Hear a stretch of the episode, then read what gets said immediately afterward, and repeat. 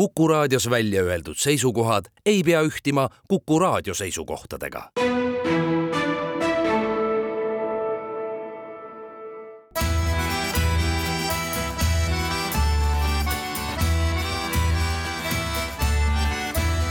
Kirillitsas Eesti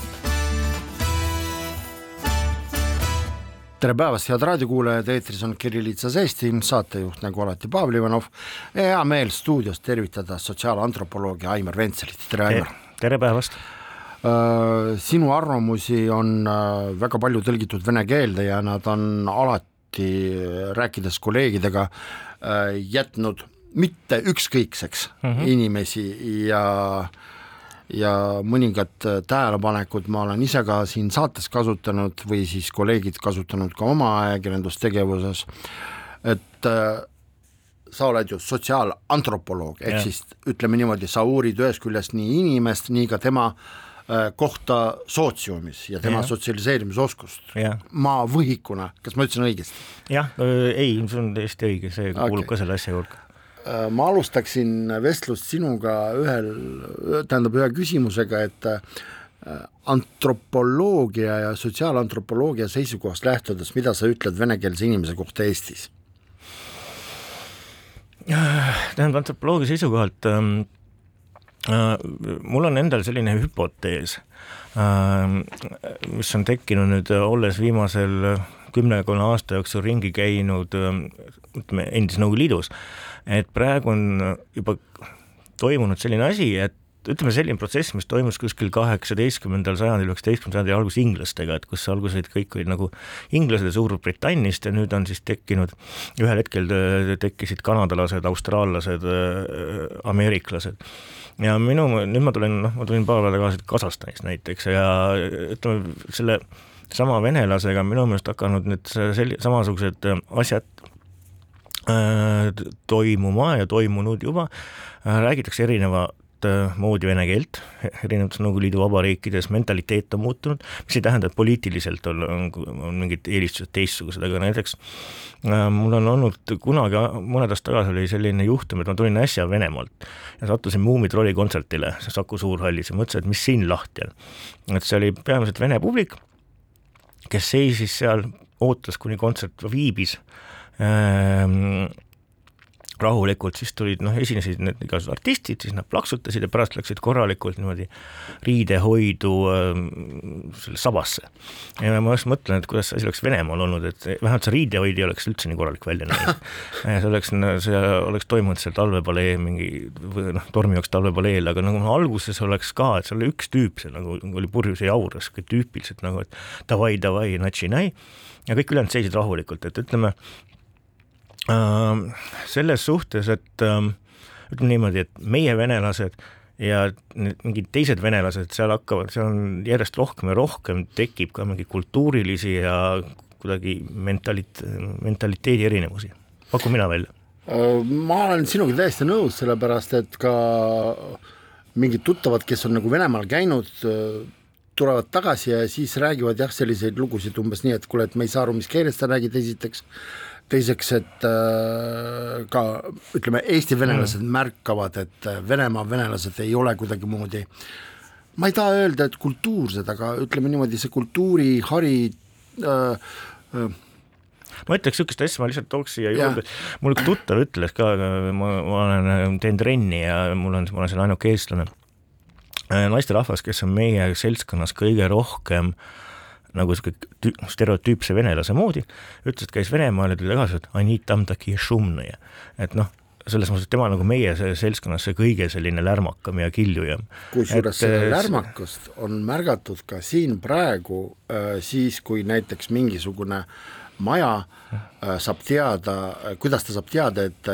uus elanik on ja ta ei ole mitte eestlane uh, -huh. just lärmakuse pärast uh. -huh ja teine asi minu meelest, mida on nüüd tähele panna ja see on, see on nüüd regiooniti väga erinev, ütleme siis ka liiduvabariigiti, et minu meelest on just eriti noorema põlvkonna venelaste seas, erinevalt kas või näiteks Kasahstanist ähm,, tunda see, et nende side Venemaaga tegelikult äh, on, ei ole eriti tugev.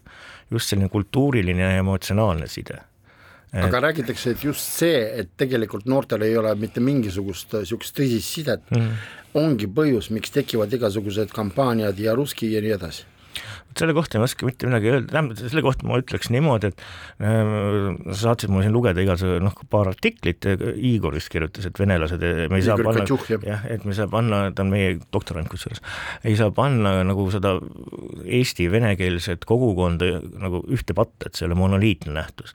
ja ma olen ise kokku puutunud, et see ongi täpselt seinast seina.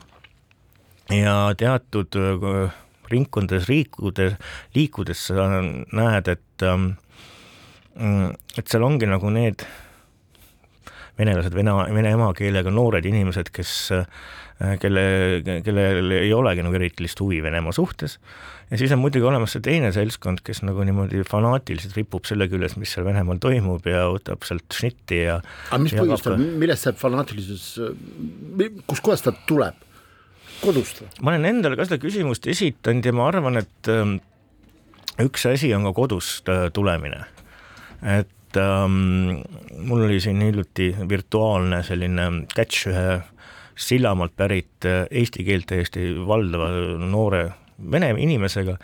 Ja nii palju, kui ma olen kuulnud, tean Sillamäest, mu ütleme, Andrei Vostov, minu kursavend on sealt pärit ja ta on sellest palju rääkinud, et neil on seal siiamaani natukene selline, Sillamäe oli ju Nõukogude mingi selline ta oli tuumalinn, see ametlikult ja ta oli niisugune elitaarne linn, priviligeeritud ja nad ei ole nagu selle priviligeeritud kaotusest siiamaani üle saanud ja need asjad võidakse anda mm. edasi põlvkonnast põlvkonnale ja üks asi, mida mina olen tähele pannud, et näiteks noh, mul omad ka, omad ka lapsed, minu lapsed ei tea Nõukogude aega. ja umbes sama vanad ähm, vene noored võivad teada Nõukogude aega võib-olla selles mõttes palju paremini, et nad teavad nagu selliseid sõnu, mis asi nagu politruk ja partorg ja kolhoos ja, ja kes on Lenin, asjad, mida minu lapsed nagu eriti ei tea.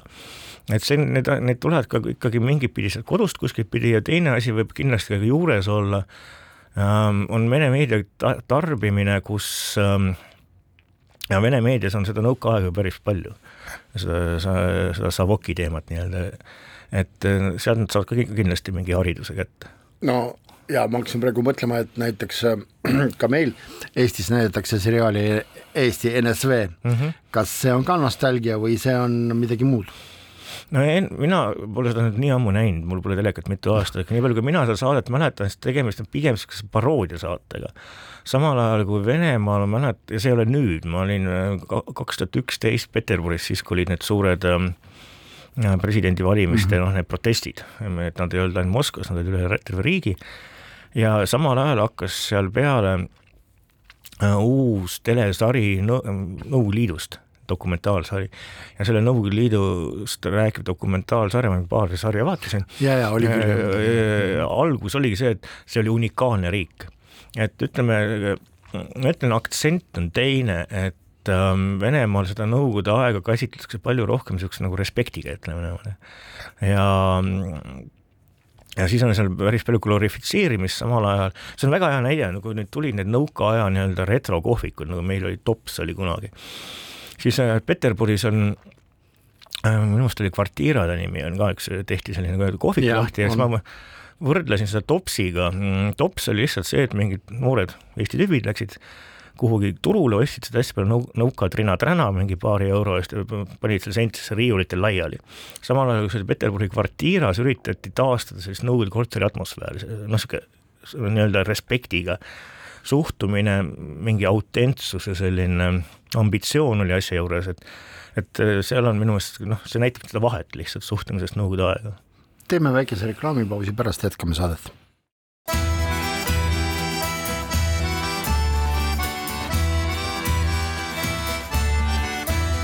Kirillitsas Eesti.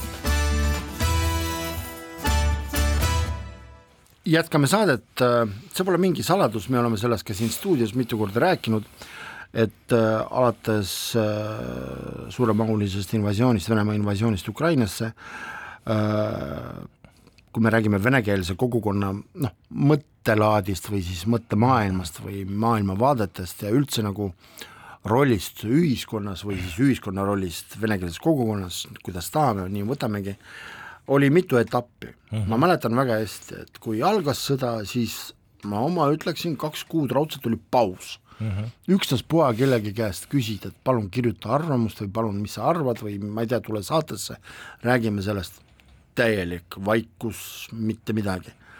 praeguseks ajaks on minu meelest olukord on selline, et kui me aastavahetuse paiku rohkem rääkisime sellest, et vene kogukond on hakanud otsima identiteeti, eneseidentiteeti siis tänapäevaks mul on selline mulje,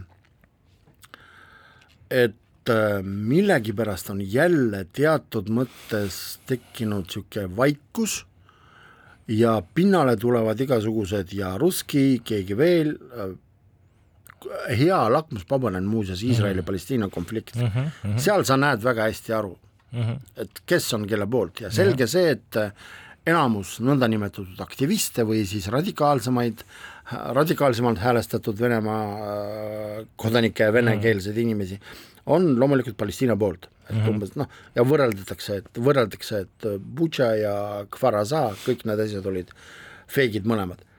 Et äh, mis sa arvad sellest identiteedi otsingust, kas jätkuvalt otsitakse või on teatud mingi ühiskondlik hirm selle eest, et kui sa midagi ütled, siis sind võidakse deporteerida näiteks.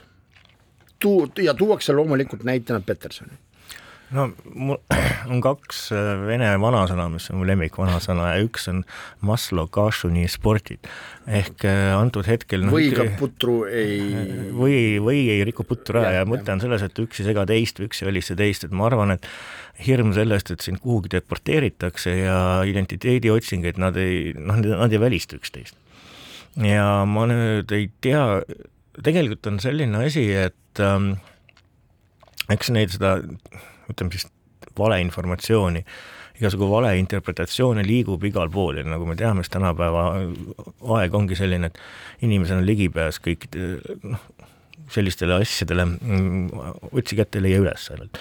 et kindlasti võib siin, me siin just enne saate algust rääkisime ühest inimesest, kes arvab, et teda kogu aeg kapo taga kiusab, eks ju.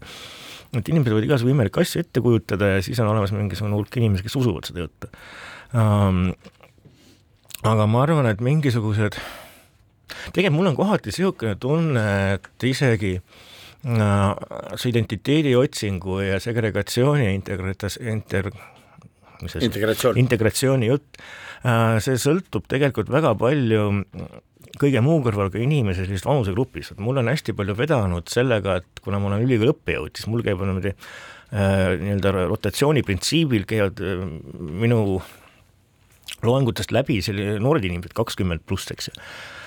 ja ma näen aja jooksul, kuidas äh, hoiakud muutuvad no kuidas muutuvad ka hoiakud selles nii-öelda vene küsimuses meil siin Eestis. ja lihtsalt ma lihtsalt ütlen, et kui kuskil viisteist aastat tagasi siis raiusid tudengid nagu rauda, et ähm, kõik venelased peavad oskama eesti keelt, siis vahepeal oli mingi periood, et okei okay,, me räägime nendega inglise keelt, kui nad ei oska ja nüüd on väga palju, ma arvan, sellist hoiakud kohaned, noh, so what, räägime inglise keeles. et äh, hoiakud nagu muutuvad. ja mul on kohati selline tunne, et samamoodi on ka mingis osas vähemalt äh, just noorematest venelastest, neil ei olegi enam nagu identiteediotsingut selles mõttes vaja, nüüd ma olen Kasahstanis näiteks, noh Kasahstani äh, Äh, Eesti Vabariigi Astana saatkonna esimene sekretär on vene nimega, vene emakeelega noor tore mees Dmitri näiteks, noh, ma ei usu, et sellel inimesel on mingit äh, identiidiotsingutega mingit kriis käes. no sama, kusjuures ma mõtlesin täpselt samal teemal täna hommikul, kui ma nägin ETV Plussi hommikuprogrammis, et Tartu äh, kui kultuuripealinna programmist räägib hmm. inimene pea, perekonnanimega Sidorov näiteks. no kes ta oli nüüd, no nüüd lendas, no ühesõnaga no, äh, Fjodorov või midagi niisugust, eks ole, et noh, et noh, ma hakkasin ka hetkeks mõtlema, aga ma sain aru täpselt sedasama, mõte mul tekkis, mis sa praegu ütlesid, et vahet ei ole jah, et tege-, noh ja kuskil kindlasti on ka nooremate inimeste seas erinevad arvamused, erinevad mingid konfliktsed, võib-olla mingid grupid võivad kokku sattuda, aga mul on tunne, et noh, mida vanem inimene on, seda rohkem need kruvid logisevad selles vene küsimuse asjus ja seda kuidagi jäigimalt, jäigemalt teemasse üldse suhtub. ütle palun sellist asja, kas äh, oma uuringutes, kui me räägime nagu jälle sotsiaalantropoloogiast, et kas sa oled puutunud kokku sellise situatsiooniga, et sul jääb tegelikult absoluutselt nagu väheseks sel, seda informatsiooni, mida meie teame või oletame, et me teame, nii oleks võib-olla õigem öelda, kohalikest venelastest? no ma ei ole neid kohalikke venelasi nüüd suurt kunagi väga uurinud, ma ütlen lihtsalt ausalt no,, aga, aga äh, jah, äh, jah, selles suhtes, et ähm, Mm, mind tegelikult näiteks seesama, kui ma rääkisin sellest oma sellest virtuaalcatch'ist selle ühe sellise noore väga Kremli-meelse venelasega Sillamäelt, et mind tõesti tegelikult ennast huvitaks, et kust niisugused noored tüübid tulevad.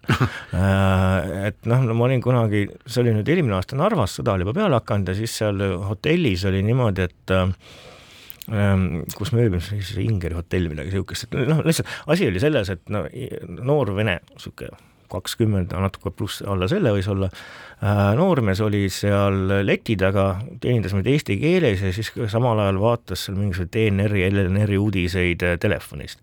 et, ähm, et ütleme selles mõttes, et on olemas mingid noored inimesed, kes nagu sellist informatsiooni tarbivad ja nendest suur osa nähtavasti ka usub seda, sest noh, minu enda isi- ja mind nagu huvitaks, et kuidas need kanalid niimoodi jooksevad mis panevad inimesi nagu selliseid asju tõe pähe võtma, noh, selliseid infokanaleid ja selliseid narratiive, et jah, et kohati on mul nagu selline puudus majas, kohati ma leian, et mingid asjad on kohutavalt üle dramatiseeritud.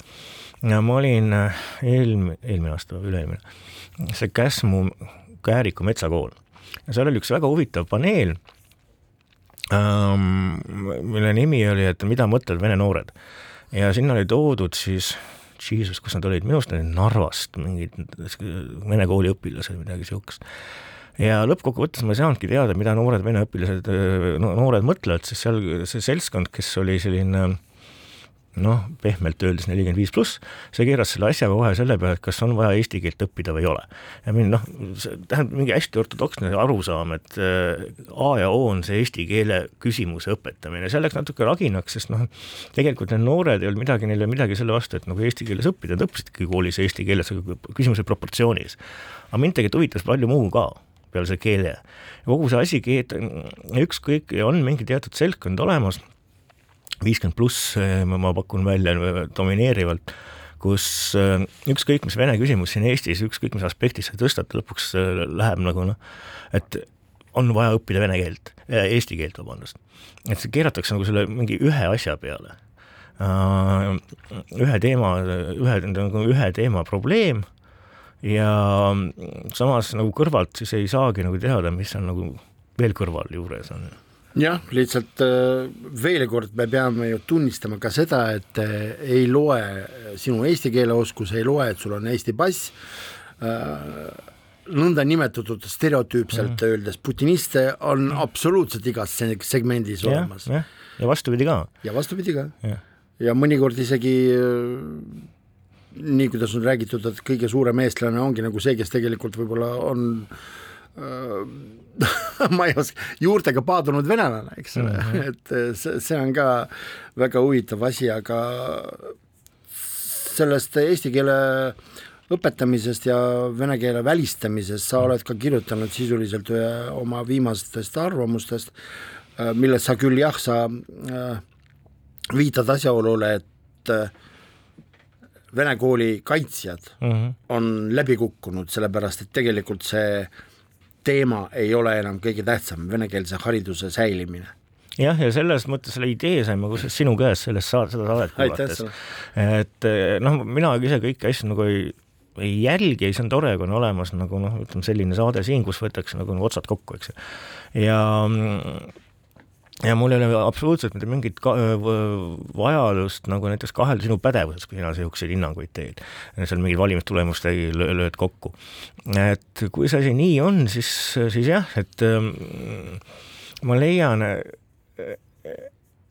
tähendab, mul on kohati niisugune tunne, et need, ütleme, see vene kogukonna mingid ise hakanud või nimetatud või valitud liidrid, et nad on jah, selles mõttes nagu läbi kukkunud, et nad on kuidagi mingid ähm, Nad juba selles mõttes, nad ei ole suutnud oma agendat ellu viia. ja ma arvan, et siin on väga palju tegemist ka sellega, et noh, üks põhjus on lihtsalt see, et need vahendid, mida nad äh, nagu valisid äh,, ei olnud efektiivsed. jah, ja ega julgeolekuorganid ka ei ole kõiges selles äh, jutumärkides süüdi, et nad mm -hmm. ei ole elujõulised. Lihtsalt nende, nende on... praktilisus on noh, madal. jah, et kuskil nad ei ole suutnud, ütleme, aastakümnete jooksul teha siis ütleme, valdavale osale eestikeelsest elanikkonnast selgeks seda, et äh, vene kool peab jääma. ükskõik mis vahendiga, aga nad ei ole suutnud selgeks teha ja järelikult nad on läbi kukkunud, kuigi neil oli see agenda olemas no mul jääb selline mulje, et viimaste päevade meediasündmused on pööranud selle teema pisut teise nurga alla, et nüüd me ei räägi, et äh, eestikeelsele õppele üleminek on äh, vene poole pealt politiseeritud, vaid mulle tundub, et see asi on nüüd ka äh, eestlaste jaoks politiseeritud, aga sellest räägime koheselt peale pausi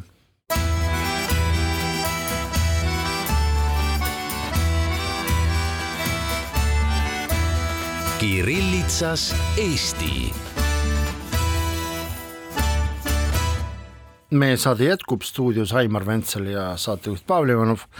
Äh, enne pausile minekut jah, ma nagu märgistasin ära, et millest nagu mm -hmm. hakkame rääkima, et see äh, minu meelest, see on minu isiklik arvamus, kunstlikult välja imetud oht, et äh, eestikeelsed lapsed nüüd hakkavad käima vastikus venekeelses koolis, et äh, see tegelikult minu meelest näitab seda, et äh, minu jaoks vähemalt mm., kui ma vaatan puhtalt meediapilti, mitte kui äh, ühe või teise äh, ideoloogia, partei mm -hmm. ideoloogia esindaja või siis sümpatiseerija või anti- või vastupidi, et ma vaatan, et kui varem räägiti tõesti sellest äh, nõndanimetatud venekeelsest politiseeritusest mm, -hmm. toodi välja Keskerakond ja nüüd siis välja tuuakse jälle Keskerakond, aga juba vastupidises efektis, et väidetavalt siis Kõlvart ja kompanii on siis äh, vandenõuplaani välja mõelnud, kuidas karistada kõiki, kes on ülemineku mm -hmm. välja mõelnud, et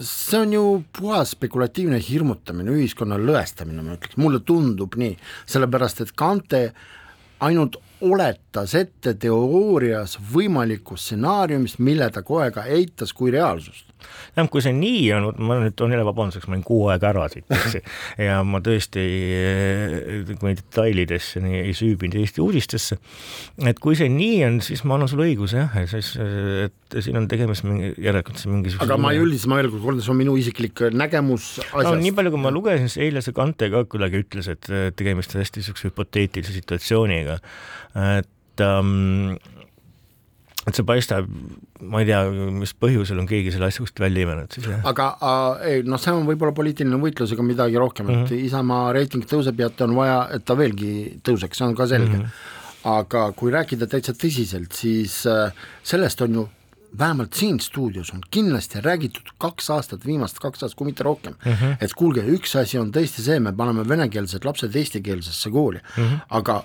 me ju teame väga hästi, et kui tähendab, et sellele on muuhulgas vastu ka eestikeelsete laste vanemad, kes ei taha muukeelseid lapsi enda lapsega ühte klassi. ja nüüd, kui nüüd tuli see mingisugune, eks ole, oht välja, et kui me, siis tahes-tahtmata, ma ei taha mitte kedagi õigustada mm, -hmm. ma ei taha mitte kedagi solvata, aga tekib tahes-tahtmata see asi, et okei okay,, kui venekeelsed lapsed lähevad eesti kooli, see on okei okay,, aga kas eestikeelsed lapsed lähevad vene kooli, siis ei ole okei okay aga üldpildis me kõik ju räägime sellest, et koolide segregatsioon on halb asi no ma alustaks võib-olla sellest, et ähm, kust me teame, et eestikeelsed vanemad on selle vastu, et vene lapsed tuleks nende klassi, et selles suhtes, mina ei ole läbi ajakirjanduse me oleme näinud ja lugenud Aa, mingeid arvamusi ja materjale sellest. no mina natuke loodan ikkagi jälle selle peale, mis me rääkisime, nooremad, noorem põlvkond ja nendest asjades, noh, kuidas nüüd öelda, nii ortodoksne. ja kuna noh, ütleme, lapsed kipuvad olema ikkagi noorematel inimestel, et äkki nende vanemad ei ole ka nii, ei võta seda asja nüüd kuidagi nii kinniselt ähm, aga ma ei välista, et on mingi seltskond ka noorema põlvkonna eestlasi, kes ei taha, et nende laste, lapsed õpiksid vene lastega koos. Ehm, ja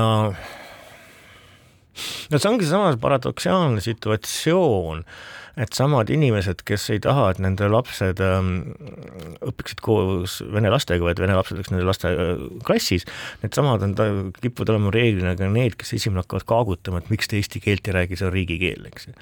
et ähm, noh, minu, mina nagu vaataks seda asja nagu selle, sellest otsast ja ähm, ega siin palju muud ei annagi teha, et ma arvan, et äh, kõigega, kõigele ei saa armas olla, ükskõik mis poliitikaga, et see, see peab olema mingisugune imeline juht äh, ja plaanija, kes suudab välja mõelda mingeid selliseid reformikavasid või arengukavasid, mis kõigile meeldivad. ja kui me räägime nendest samadest sõnadest, mida siis äh, äh Andrei Kante ütles, et tegelikult ma veel kord kordan seda mõtet, et äh, Kantega siin, olles siinsamas stuudios augustikuus ja ka varem, kui rääkides venekeelsete ajakirjanikega, täpselt sellest hetkest, millal temast sai abilinnapea, kes mhm. vastutab sealhulgas ka ülemineku eest Tallinnas, mhm. et see oli esimene inimene, vähemalt Keskerakonna tasemel, mhm. kes on Tallinnas võimul, kes ütles, et teeme ära, et ta ei hakanud kunstlikult leidma mingisuguseid takistusi, jah. Mhm. ta ütles täiesti normaalselt ja mina ütlesin talle, et kuulge, et teist on tõesti räägitud kui inimene, kes ei otsi mingisuguseid ideoloogilisi takistusi üleminekuks, et kui te ütlete, et jah, teeme ära, siis te teete ära, et mm -hmm. et äh, selles mõttes on küll kahju, kusjuures teeme väikese vigade paranduse ja ma tahan öelda, et Tartu kultuuripealinn, Euroopa kultuuripealinn kaks tuhat kakskümmend neli üks äh, organisaatorite seltskonnast, keda ma mainisin mm, -hmm. Aleksandr Fadjeev mm. -hmm. Fadjeev, ütleb see perekonnanimi sulle üldse midagi või?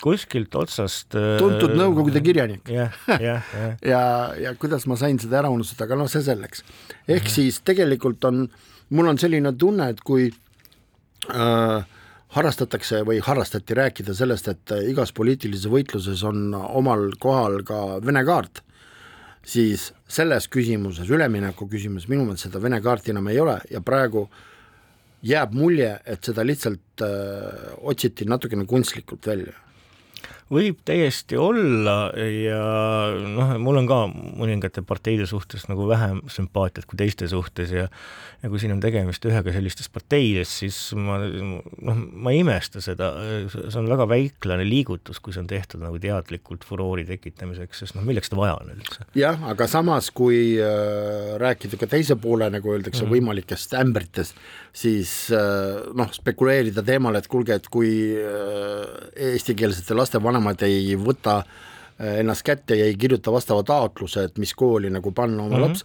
siis võib tekkida olukord, kus siis nagu ja siis tekkiski nagu selline väikene mm -hmm. ähvardus nagu, et siis tulevad mm -hmm. Eesti lapsed vene kooli no see vist ka ei olnud kõige korrektsem vist. võib-olla küll. nii et see on niisugune kahe otsaga asi. aga see, kas see sinu meelest ei räägi sellest, et tegelikult me ei saa vist rääkida sajaprotsendilisest integratsioonist? jah, see räägib seda, et me ei saa rääkida sajaprotsendilisest integratsioonist aga mitu protsenti? oh issand jumal, see on niisugune hea esi, hea küsimus. tähendab, meil oli isegi tegelikult olemas, ma olen, vot see sa küsisid nagu alguses sellest, et kas on mingid asjad, mis uuringutest nagu ei tule välja. Äh, meil ei ole olemas niisugust ühtset mõistetavat integratsiooni definitsiooni minu meelest, sellest ma tulin Eestisse tagasi aastal kaks tuhat kolm, elasin enne kümme aastat Saksamaal ja, ja siis kirjutati, juba siis kirjutati integratsioonist väga palju ja minu meelest on olemas integratsioonist nagu väga erinevad arusaavad. ja, ja juba selle tõttu on väga raske öelda, et äh, mitu protsenti on integreerunud ja mitu protsenti nagu ei ole ja kuidas integratsioon iseenesest nagu üldse noh, äh, siis äh, mõõdetav on.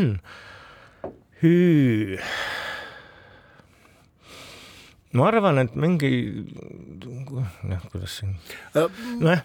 konstrueerin küsimuse võib-olla mm. teistmoodi, milline sfäär kisub seda integratsiooniprotsenti allapoole? Kus kohas me midagi oleme kas mööda lasknud või siis üle võlli lasknud hmm.? ma arvan, et üks asi, mille nii tobe kui see ka ei ole, mis on selline konfliktide allikas, on just selle lähiajaloo interpreteerimine mm et noh, kas oli okupatsioon või ei olnud ja, ja kas, kas no ütleme, Nõukogude Liit päästis Eesti rahva ära hävinimisest või vastupidi, eks. aga see puudutab vist ikkagi eakamat? ei, minul oli seesama noorema inimese, kellest ma olen juba okay. täna kaks korda rääkinud, just see catch nagu väga palju sel teemal, eks ju um,. tegelikult um, puuduta, tegelikult on seal ka mingisugune Venemaasse suhtumise küsimus ähm,. mul oli kunagi väga huvitav vaadata, et ähm, jälle Facebookis, kus mujal toimus seal suur andmine see oli siis, kui see Puustusmaa Narvas tahtis sellele tuntud teatraal äh, Põdra, Põdrale vastu hambaid anda, eks ju. ja, ja siis seal läk-, noh, tähendab, siis ütleme, niisugune tüüpiline what about äh, argument, millel pole otsa ka ajata, see, aga Puustusmaa ise on ka Venemaal töötanud ja lendfilmis ja Mosfilmis, ma tean. aga, aga mis see nagu siia puutub? aga teine asi oli see, et ma vaatasin, et kõik, kes seda juttu ajasid, seal olid noored venelased, kes töötasid ERR-is et äh, jah, ja mul kukkus ka, ma tegin täpselt sama näo kahjuks, et jah ja. aga minu nägu oli äh, täis üllatust. täis üllatust, täis. ja et kuskil on see mingisugune, mingi, mingisugune, mingis seltskonnas mingisugune selline side Venemaaga on noh, emotsionaalne side Venemaaga on teistpidi interpreteeritav kui samavanustel eestlastel, ütleks ma selle peale. see on väga huvitav tähelepanek. Aga ütle mulle, kas seesama aktsioon, mis siin kuu aega tagasi toimus, Jaruski, et kas ta oli tingitud just nagu sellest, et äh, idealiseeritakse mm. natukene distantsilt Venemaad või siis mm. see oli seesama, võib-olla mitte eriti targalt minu poolt välja öeldud äh, identiteedi küsimus Mm, ma arvan, et on jälle see, et Maslow, Kašvini spordid ehk mõlemat, et selles suhtes, et on olemas Vene, Venemaa ideali-, idealiseerimine ja samas on olemas siis enese identifitseerimine sellega. ja ma olen jumala kindel, et ka sina oled selle kokku puutunud, ma olen mitu korda ütelnud, inimesed, kes on väljaspoolt tulnud venelastega rääkinud siin Eestis, Narvas välitööd teinud ja nii edasi, et nad on kohanud nagu sellist seisukohta, et Eestimaa on nagu siin elava venelase jaoks liiga väike et nad tahavad nagu, et palju parem on tunda ennast osana sellest suurest vingest kultuuriruumist, mingist imperiaalsest pärandist ja niisugust asja. ja kindlasti on sellised inimesed kuskil olemas ja neil on siis nagu ütleme, palju lähedasem side selle Venemaa kui sellisega. ja sinna juurde, ja ma arvan, tähendab seda, äh, et äh, ükskõik mis interpretatsioone nüüd selle ja russki vähenduse noh, vabanduseks toon, mulle, ma hakkasin naerma, kui ma lugesin Yana Toomi sellest juttu, et kus ta võrdles seda Jaa Ruski, selle eestlane olen, eestlaseks jääb mingi klepikatega autodel omal ajal, et me kõik väga hästi teame, Yana Toom kaasa arvatud, et see on tsitaat sellest laulust äh, ja inimene, kes selle, seda laulu tsiteerib, avaldab oma toetust vene šovinismile me kõik teame seda asja, aga siin noh, siin annab nagu sa mõtled Jaruski? jah, see Jaruski Klepeka mm puhul, see on väga ühemõtteline Klepekas tegelikult. aga sinna on võimalik nagu ümber panna igasugust niisugust äh, vahtu sest nii peale, nii pea, nii kaua kui lepika peal ei ole, et ja Ruski all sulgudes šaman, siis on võimalik sinna igasugu asju juurde kirjutada, aga me kõik teame tegelikult, millega on tegemist. vandeadvokaat äh, Sadekov äh, ETV Plussi otsesaates, väitlussaates ka, kui arutati sedasama Jaruski mm. kampaania teemat, ütles täpselt sedasama, et kui sellel isikul õnnestub kohtus tõestada, et Jaruski äh, omab hoopis teistsugust, eks ole, mingisugust mm. mitte politiseeritud ja ideologiseeritud äh, tähtsust, siis ta on võidumees mm. -hmm mm. -hmm. väike paus, siis saade jätkub.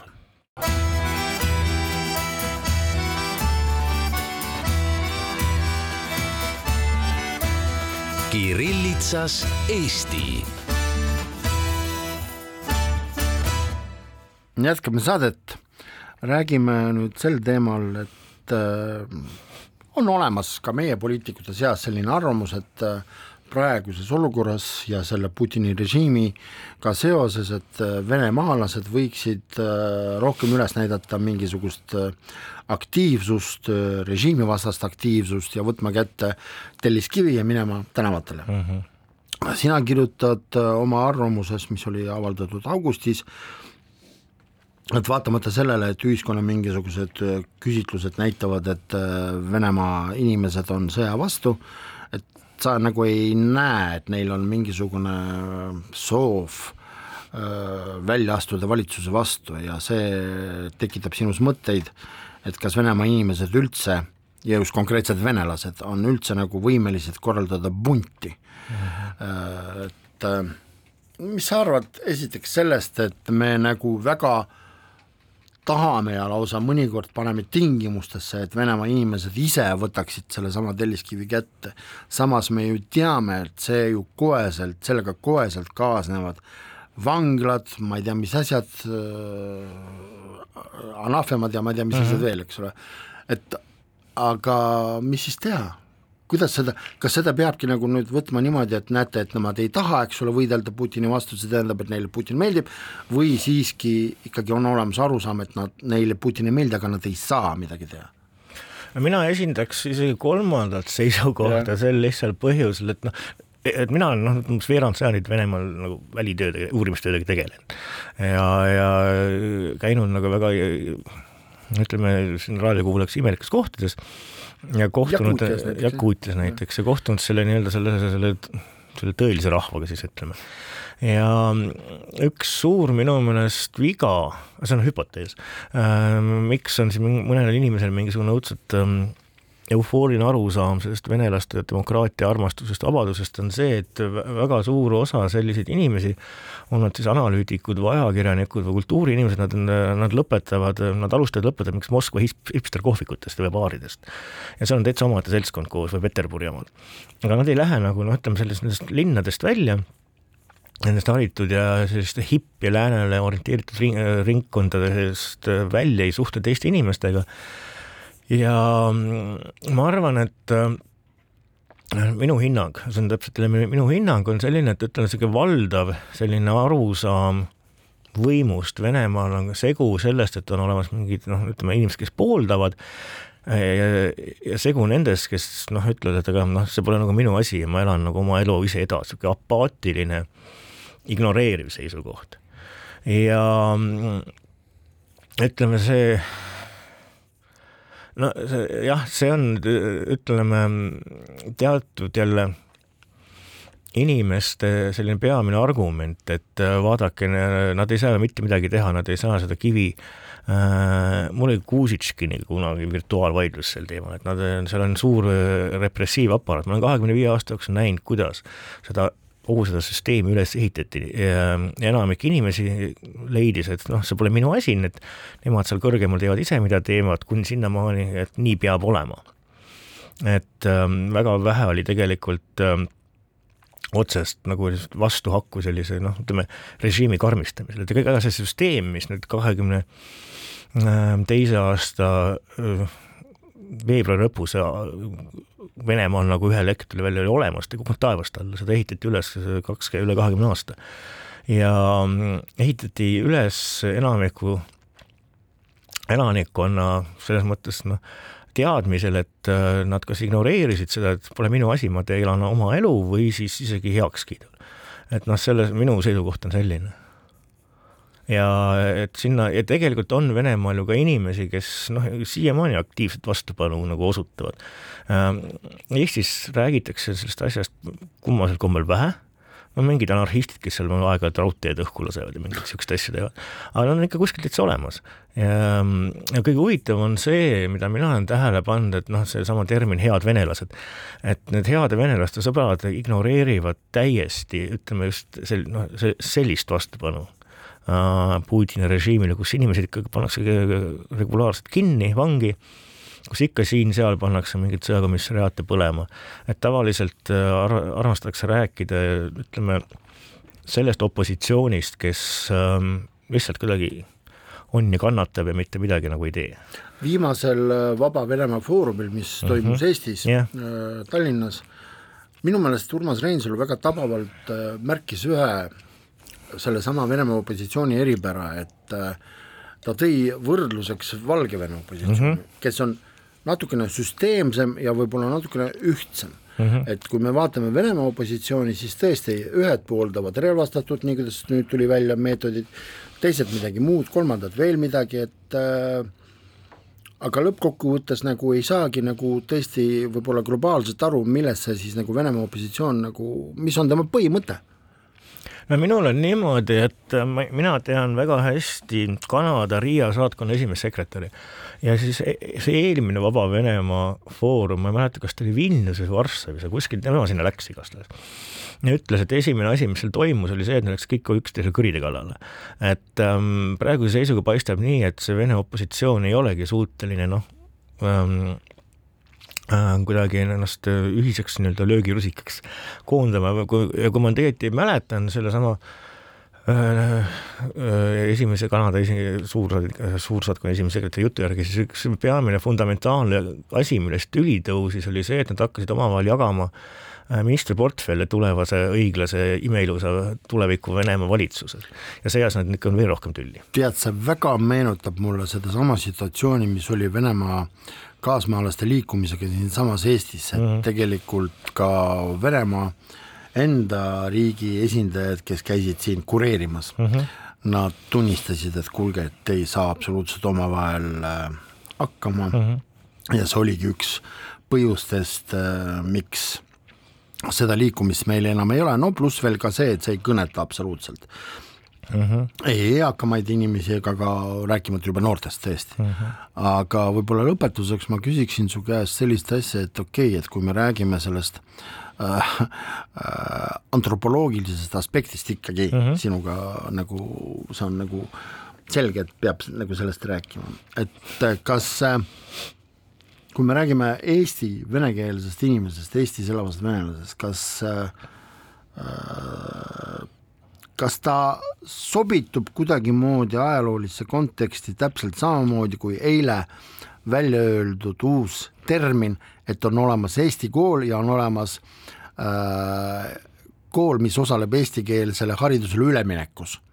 ehk siis uh -huh. teisisõnu, kas on olemas eesti venelane või on olemas vene keelt kõnelev eestimaalane, kes osaleb integratsiooniprotsessis ma arvan, et äh, äh järjest rohkem ja rohkem tekib sedasama äh, venekeelse eestlase äh, identiteeti ja ma rõõmuks pean tunnistama, et nooremate inimeste seas, eestlaste seas leiab selline identiteet rohkem ja rohkem aktsepteerimist ja ka väljendkasutamist. Ja nüüd jälle noh, okei okay,, ma, ma, see kõlab väga gerontofoobselt, aga noh, see viiskümmend pluss seltskond, noh, see, see on sellistel, ütleme sellistel sulandumise protsessidel ikka noh, nagu, nagu kaigas kodarate vahel, eks ju, paljudel juhtudel ja mina siis paneks oma viis senti pigem nooremate inimeste peale optimistina, et noh, et seal, et seal sellist ähm, äh, ütleme, teineteise mõistmist ja läbikäimist ja koos tegemist ja ühiseid huvisid, et seal on, ma usun, et saab seda rohkem olema.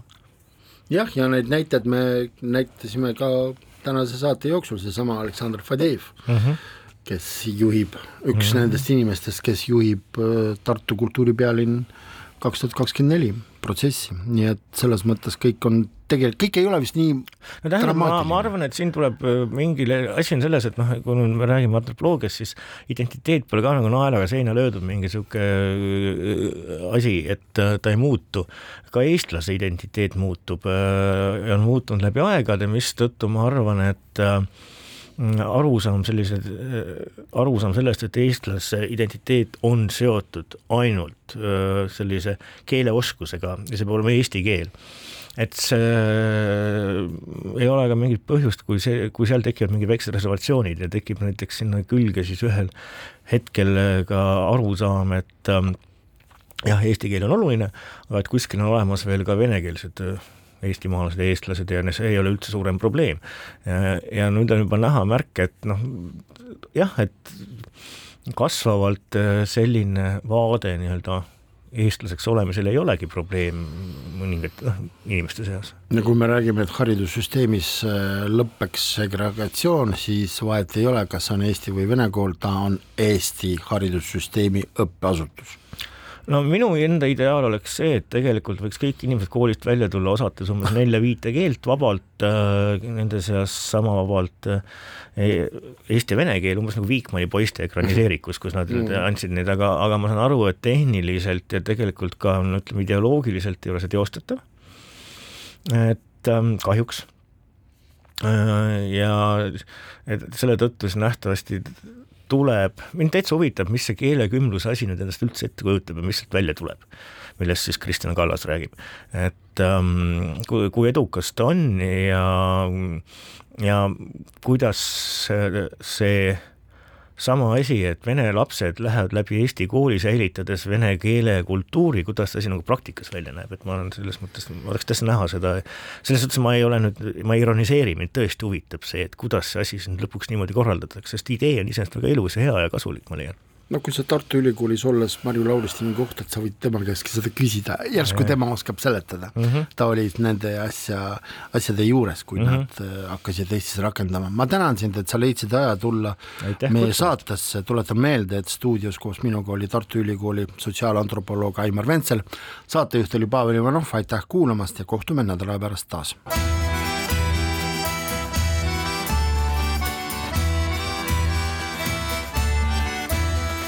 Kirillitsas Eesti